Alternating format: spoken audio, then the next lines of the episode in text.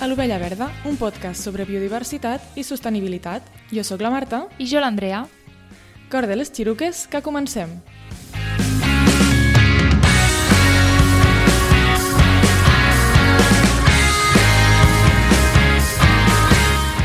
Aquest podcast pertany a la xarxa de podcast de ciència i medi ambient Podcastidae.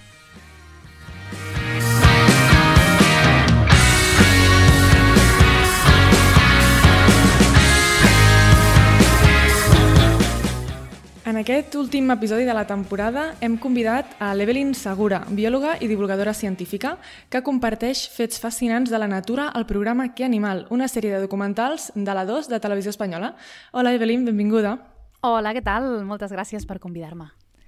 Evelyn, suposem que t'han dit moltíssimes vegades que mola molt la teva feina, sobretot, sobretot una, que és ser la presentadora d'un programa de televisió sobre natura. Ens pots parlar una mica de què animal, per qui no l'hagi vist? Sí, tant. Doncs mira, és un programa de divulgació científica, concretament de la divulgació sobre les curiositats més sorprenents de, de la fauna, no només del nostre país, sinó també a nivell internacional. I el que intentem és que la gent s'enamori perdudament dels animals perquè els puguem protegir i aprenguem a conviure amb ells. Aquest seria una mica el resum. I us recomano molt que no us el perdeu. El teniu... Bueno, ara estem gravant la setena temporada, és a dir, que portem set anys, i, i us recomano que us reviseu els capítols si no els heu vist, que estan penjats a internet i, i que a partir de l'octubre uh, ja el començareu a veure en antena a la nova temporada. Quina passada, que guai. De fet, nosaltres hem vist molts episodis i ens hem inspirat en alguns d'ells, uh, uns que es diuen Seductores i Sexo, per parlar del que volem parlar avui en aquest episodi de l'Ovella Verda, Um, sobretot ens hem fixat també en animals que viuen a la península ibèrica i al Mediterrani perquè ens encanta és comprar cap a casa i, i bueno, una miqueta d'això és el que volíem parlar avui, no? Sí, de fet hi ha un animal concret que no vull que s'escapi perquè crec que és el meu preferit en tot aquest tema. És un que el vas explicar en una xerrada a la Canonja, que vaig anar i em, em va deixar molt flipada, que és el cargol. I, si us plau, comença pel cargol i ens explica'ns eh, explica tot el que sàpigues de la reproducció del cargol. Clar, és que és veritat que quan parlem d'animals ens passen per la ment animals molt exòtics, no? I a vegades podem tenir coses espectaculars al jardí de casa mateix o fent un passeig pel camp, no? I, i és el cas del cargol bover i a mi m'encanta parlar, doncs, quan trec el tema del sexe i les còpules i això, treure un animal tan sexy com és el cargol bover, que tots coneixem, no? I és curiós perquè, clar, els cargols, quan els, els, els visualitzem, tothom sap que són hermafrodites, és a dir, eh, que són mascle i femella al mateix temps, i penses, bueno, llavors es poden autocupar fecundar, es poden reproduir sols? Doncs no, tot i tenir tant òrgans femenins com masculins, necessiten trobar un altre individu per, per copular i reproduir-se. Clar, què passa? Quan es troba un cargol cara a cara amb un altre, eh, qui és qui? No? Qui, quin mm -hmm. rol juguen en aquell, en aquell moment tan tens no? a nivell sexual. Doncs uh, realment els interessa sobretot ser mascles, perquè ser dona, ja ho sabeu, és molt dur, és sí, molt sacrificat. Sí. Cal invertir moltíssima energia i quan es queden, uh, quan ens quedem embarassades, doncs, uh, clar, allò s'atura i ja no et pots reproduir més, ja no pots tenir més descendència, no? Interessa ser mascle. Per què? Perquè així els teus gens els pots repartir amb molt més que no passi ets una femella. Així que el que els interessa als cargols és ser mascle. Clar, tonto a l'últim. Intenten ser el mascle. Però què és el que passa? pot succeir una fecundació creuada, que al·lucinaríeu de com és el penis, no? l'òrgan copulador dels mascles, que és, per ser un cargol bover no està mal dotat, i el que fan és intentar penetrar a l'altre. Però tenen el problema aquest, no?, de qui és el mascle. Doncs el que acaben fent és que quan es van toquetejant i es van acariciant, són carinyosos i són lents, eh? O sigui, també s'ho prenen amb calma. Poden arribar a estar fins a 12 hores fent-se carícies, petons, mossegadetes, mm, babussejant-se una a l'altra, és a dir, s'ho prenen amb molta, molta calma.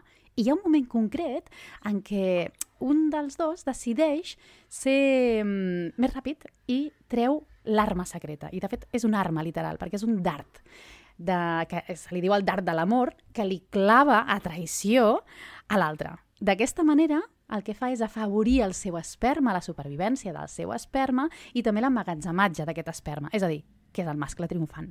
I l'altre, doncs, bueno, no només està ferit d'amor, sinó que, a més a més, li toca ser la família en aquella ocasió, perquè no desperdicien el temps i ràpidament poden trobar una altra, una altra parella, no? Però és fabulós. Aquest dart pot arribar a travessar fins i tot òrgans vitals i, bueno, la ferida, de nhi eh? Lo contundent que és. Clar, poden morir? Poden arribar a morir, sí, sí. Els hi pot arribar a travessar llocs que no comptaven. No sé si apuntant gaire en aquests moments de desconcentració, eh? que molt concentrats mm, en, lo, en, en temes de vitalitat, no sé si ho estan, eh? estan concentrats en altres coses i poden apuntar malament. Uau, déu nhi no? Increïble la reproducció dels cargols. De fet, jo crec que moltes vegades quan parlem d'animals que no són mamífers, no, amaguen sorpreses com aquestes que potser no coneixem i que són fascinants. Com, per exemple, també les sípies, no, Evelyn? Perquè també tenim aquí tema a parlar amb les sípies. Sí, i tant, no es queden curtes, eh? Passem d'un invertebrat a un altre i, I a més ens enfonsem a les profunditats marines, que ja sabeu que jo sóc molt aquàtica, i em, em fascinen totes les coses que hi ha sota aigua, però en el cas de les sípies, o sigui, se sap que els cefalòpodes són animals molt intel·ligents, no? S'ha parlat molt de la intel·ligència dels sops, dels, de, dels pops, dels calamars, de les sípies. Bé, una forma de calcular la intel·ligència dels animals és eh, tan simple com avaluar si són capaços de mentir, d'enganyar, perquè només els animals intel·ligents són capaços d'establir una estratègia que eh, busqui enganyar un altre. Això és d'un animal molt intel·ligent i les sípies ho fan. Què és el que passa amb les sípies? Doncs bé, quan es troben mascle i femella, també tenen unes danses de seducció, aquests canvis de color i de textures de la seva pell, les apliquen moltíssim i, i d'una forma molt exuberant quan intenten seduir a la femella. Doncs bé, es mostren amb els seus millors encants, ballen, es, es troben us anava a dir cara a cara. No, seria tentacles en tentacles, no? Es posen així en posició horitzontal i els braços mirant-se entre ells, fins que arriba un moment en què aquell apropament acaba pujant la tensió i s'acaben entrellaçant aquests braços i acaben tocant-se. D'aquesta manera el mascle té un, té un braç d'aquests que està modificat i especialment dissenyat per introduir-se dintre del cos de la femella i deixar-li anar allà doncs, el, els sacs d'esperma. És, és un braç especial per la còpula hi ha alguns casos que fins i tot la família li pot semblar una mica malament i fotre-li un picotazo. Així que el mascle a vegades, inclús de marxar corrent, se'l pot autolesionar i autoseccionar eh, i marxa i perd aquest braç. Però bueno, per amor es fan moltes coses. I una d'elles pot ser doncs, amputar-te un braç. Però bueno, li surt a compte perquè almenys ha aconseguit el seu objectiu. Penseu clar, que... Això, eh, sí. això t'anava a dir clar, que li surt a compte. Sí, a més no viuen tant de temps, viuen un any, màxim dos, i el període mm. de reproducció és un... Bueno, de fet, moltes vegades, sobretot les famílies, es reprodueixen un cop a la vida. Així que tots els esforços estan molt ben invertits perquè ha de sortir bé el, el tema. I per què us deia això de la intel·ligència? Doncs què passa? Que hi ha competència masculina. Quan hi ha uh, més d'un mascle rondant a una femella, hi ha una competència entre ells, una lluita entre ells, però també hi ha un, aquest engany el mascle vol seduir a la femella, per tant, la cara, imagineu-vos doncs, eh, que dividim el cos de la sípia justament d'una forma bilateral, no? amb una cara que és la que observa la femella, aquesta és exuberant, seductora, és un mascle, un buen horror, eh? En canvi, la meitat que està de cara al mar obert, que és on pot haver-hi altres mascles, sembla una femella. La coloració, inclús el comportament, és d'una femella. Què és el que passa si hi ha un altre mascle per allà que vol intentar apropar-se a la femella? Que el que està observant són dues femelles juntes fent unes coses molt rares i no acaba d'entendre què és el que passa. Aquell mascle està mentint si hi ha més d'un mascle observant, ja no menteix, perquè li poden descobrir el pastís i llavors sí que el, si el troben després li fotran canya. Per tant, li convé que aquesta mentida no es descobreixi mai perquè li funcioni. O sigui, són animals que realment són supercuriosos.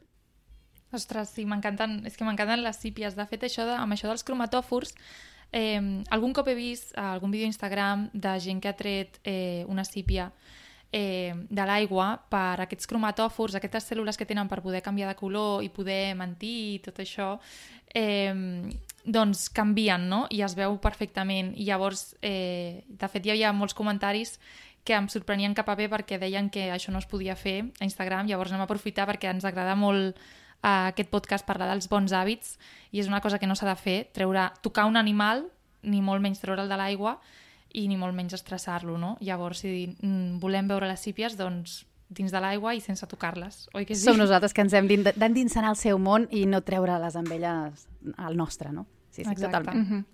Llavors, eh, bueno, hem parlat d'invertebrats, de cargols i sípies, perquè realment el, hi ha molta vida fora de, dels mamífers, molt, molt interessant, i també hi ha un altre invertebrat molt interessant que la gent coneix eh, i ja s'ho sap quan parlem de reproducció, sexe, eh, inclús canibalisme, ja et ve un al cap que és la mantis, però uh mhm. -huh. sempre es poden aprendre coses noves i per això volíem parlar de la mantis. Així que si ens vols explicar alguna coseta sobre aquest insecte... Sí, doncs mira, de les mantis justament el que la gent creu és que hi ha aquest, aquest canibalisme sexual, és a dir, que la femella acaba cruspint-se al mascle.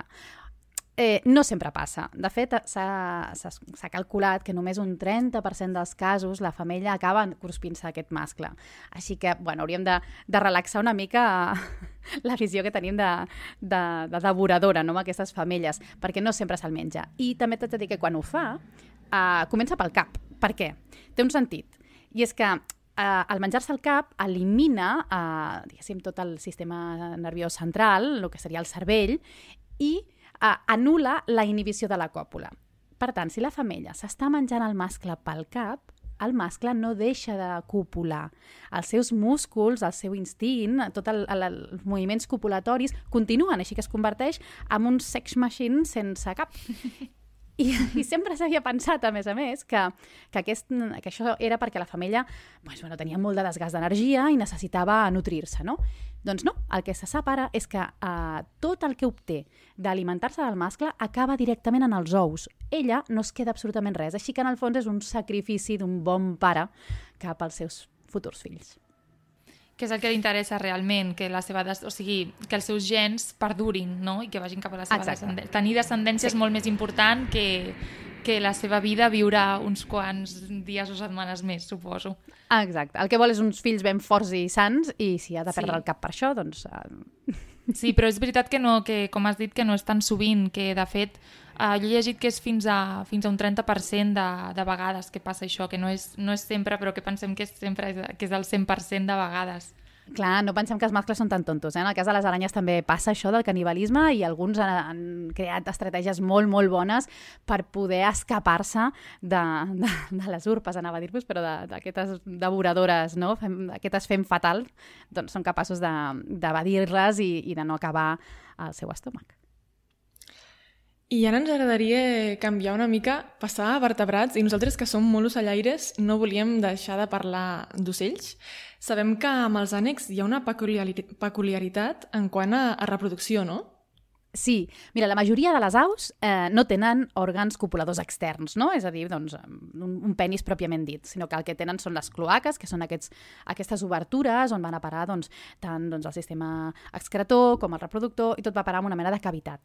Bé, i el que fan és el que li diuen el petó cloacal, que em sembla una cosa molt bonica, eh, però una combinació una mica estranya, barrejar cloaca amb petó, ja. però bueno, és una, una combinació una mica estranya, però es diu així, un petó cloacal, és a dir, cloaca amb cloaca i així és com cúpula cúpula, no? amb uns moviments que fan les aus. Perfecte. Però n'hi ha algunes que, que sí que estan dotades d'un bon uh, aparell reproductor, com és el cas dels ànecs, que fins i tot en algunes espècies aquest penis arriba a ser de 20 centímetres. Així que cuidadín amb, el, amb les aus. Entenc que sigueu molt ocellaires, ocellaires, no sé si per aquests motius o no, però en tot cas és, és fascinant que pensar en un ànec amb, amb, amb un penis de 20 centímetres. I a més, el penis és en forma d'espiral. I, I clar, és el té molt amagadet.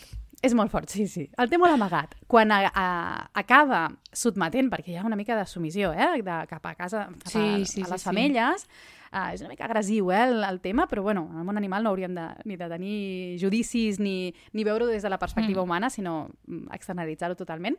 Doncs el que fan els mascles quan aconsegueixen accedir a una femella, tenen uh, l'erecció és molt explosiva, és molt ràpida, però us estic parlant de microsegons, eh? és po, molt ràpid com uh, s'allibera aquest penis i, i s'introdueix dins el cos de la femella. Clar, les femelles diria, ostres, doncs elles no poden escollir, realment estan sotmeses al, als mascles que se'ls hi apropen? Doncs, bueno, algunes espècies d'ànecs, eh, les femelles han desenvolupat una vagina que també és en espiral, però l'espiral és eh, gira a la inversa. I clar, dius, ostres, i llavors com, com aconsegueixes fer que una cosa encaixi amb l'altra? Doncs quan consideren que el mascle és del seu agrat, adopten una posició en horitzontal que facilita la penetració i, a més a més, lubriquen moltíssim més. Així que quan elles volen, la, cosa funciona millor. Clar, ara té wow. més... Bueno, eh, doncs té més, té més sentit. Eh, bueno, fan una coevolució, es diu, no? Que han evolucionat tant els penis dels, mas, dels mascles com, com les vagines de, de les femelles. Que això passa amb moltes espècies d'ànecs, aquí, aquí en tenim. O sigui, això passa al, al, al nostre territori i crec que l'ànec collverd eh, mm -hmm. és una d'aquestes espècies, no? Que sapiguem que Sí, no sí. cal veure coses molt espectaculars fora, sinó que aquí també tenim No. coses que, ostres, que és bastant, no sé, bastant, bastant fort, que eh, de documental, vaja, per això hem de seguir veient que animal. Sí, que animal, i també convido que la gent s'aventuri a anar a veure la natura en directe, és a dir, que Sí, sí, agafin tant. aquestes xiruques ben cordades, els seus prismàtics i les seves càmeres i, i que surtin a veure-ho, perquè coneixent una mica el comportament dels animals i en quina època succeeixen aquests fenòmens, eh, podeu ser protagonistes directes de, de tot el que passa, no? I, I la veritat és que és un premi tan maco quan ho observes en, en directe que, que, bueno, que després qualsevol cosa que vegis a la tele diràs ah, això ja ho he vist, això ja ho conec, Clar. no? I és molt guai. Els cargors no sé si deuen ser fàcils de veure o entretinguts, perquè això d'estar Home, si 12, tens 12 hores... hores allà, tens 12 hores d'espera... Home, ve- veure la natura sempre requereix molta paciència, però de les 12 hores, jo no sé, és una mica extrem. Es poden fer torns, no sé, vosaltres Sí, que sí, sou sí. dues podeu anar tornant, no? Bé.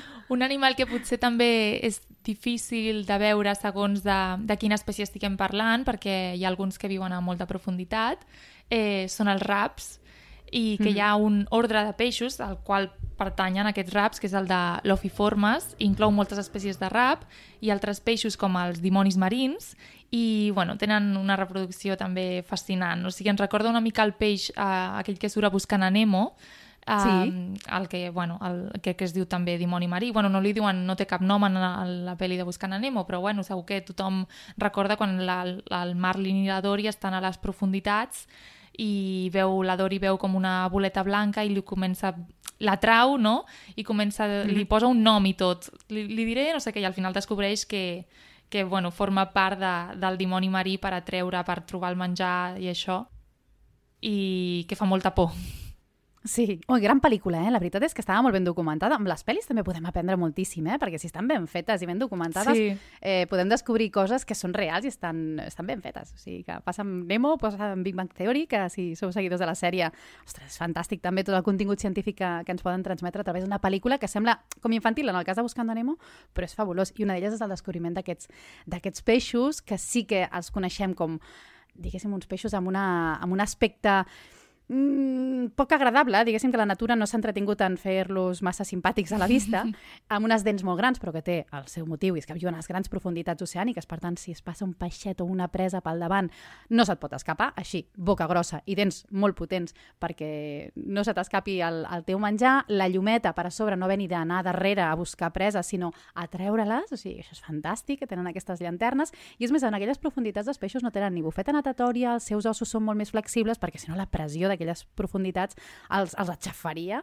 i, i col·lapsarien. Així que tenen moltíssimes adaptacions, però la que, és veritat que la que ens reuneix avui a, a les 3 avui aquí és la manera com es reprodueixen. Clar, Mm. si apagues les llums d'una sala, home, trobar una parella en aquelles... Doncs hauràs d'anar tantejant, no? I hauràs d'anar buscant. Doncs bueno, si tens eh, unes feromones molt potents i una llumeta, això fa que en la gran immensitat dels oceans i en aquelles profunditats tan fosques, doncs eh, la cosa es complica encara més i eh, els mascles el que fan és tota la seva vida es dediquen a buscar una possible parella. Què és el que passa quan la troben? Doncs que quan la troben ja no la deixen anar mai més. És a dir, aquella frase de hasta que la muerte no separe és literal. Perquè què passa quan el mascle troba a la femella?